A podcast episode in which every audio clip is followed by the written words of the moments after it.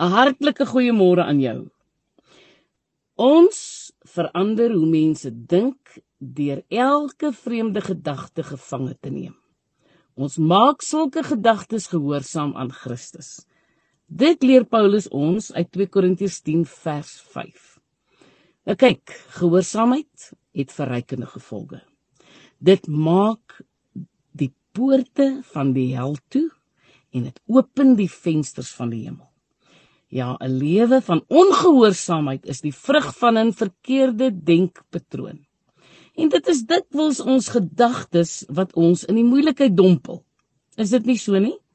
In Jesaja 55 vers 8 sê die Here: "My gedagtes is nie julle gedagtes nie en julle optrede nie soos myne nie."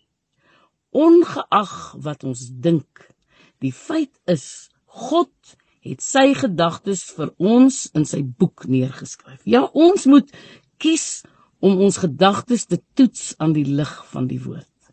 Dit is presies wat in 2 Korintiërs 10 vers 5 beklemtoon word.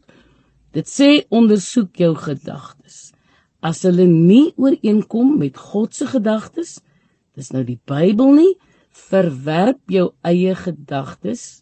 En wat doen jy dan? Dan dink jy sy gedagtes hoogmoedige mense wat behep is met hulle eie gedagtes vernietig nie net hulle self nie maar dit veroorsaak ook dikwels die ondergang van ander mense. Jy moet dit vandag besef. Dit benadeel nie net jouself nie dit benadeel ook die mense rondom jou. Dit is op die slagveld van jou gedagtes wat jy die oorlog teen satan of sal wen of sal verloor Daarom moet jy elke redenasie vernietig en elke hooghartige aanval wat teen die kennis van God gerig word, moet jy vernietig sodat ons elke vreemde gedagte gevange kan neem. Dit is verskriklik belangrik. Ons moet ook altyd doen dit wat reg is. Romeine 5 vers 3 tot 4 sê sulke vasbyt help ons met die regte karaktervorming voor die Here.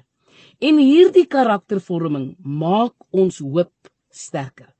Karakter gaan nie alleen oor hoe ons optree nie, maar dit gaan ook oor hoe ons op situasies reageer. Josef het die regte ding gedoen om van Potifar se vrou te vlug, maar hy het die verkeerde nagevolge gedra. Ons almal was al slagoffers van die regte ding doen. Maar miskien was daar leuns oor ons versprei. Ons was van goed beskuldig of ons bedoelings was misverstaan. Satan sal bewyse voorsien om leuns te bewys. Satan het 'n bewys voorsien met Josef se bebloede kleed wat sy broers na Jakob toe gevat het. So het Potifar se vrou ook sy kleed as bewys van haar leuen gehad. Wat is dit wat Satan aanhoudend teen ons gebruik? Dit is dan tyd om veiligheidsmaatreëls in plek te sit, hoor? Satan het geen nuwe tegnieke nie. Dit wat hy in die verlede gebruik het om 'n houvas te kry, sal hy waaragtig weer gebruik. Hoop is nie noodwendig dat God jou sal red uit jou stryd nie. Hoop is dat God met jou sal wees terwyl jy die stryd veg. Hoop lê in God en nie in ons omstandighede nie.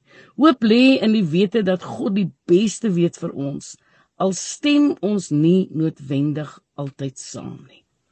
Ja, wat leer ons vandag? Ons leer dat ons gehoorsaam moet wees en dat gehoorsaamheid verrykende gevolge het. Ongehoorsaamheid is altyd as gevolg van verkeerde denkpatrone.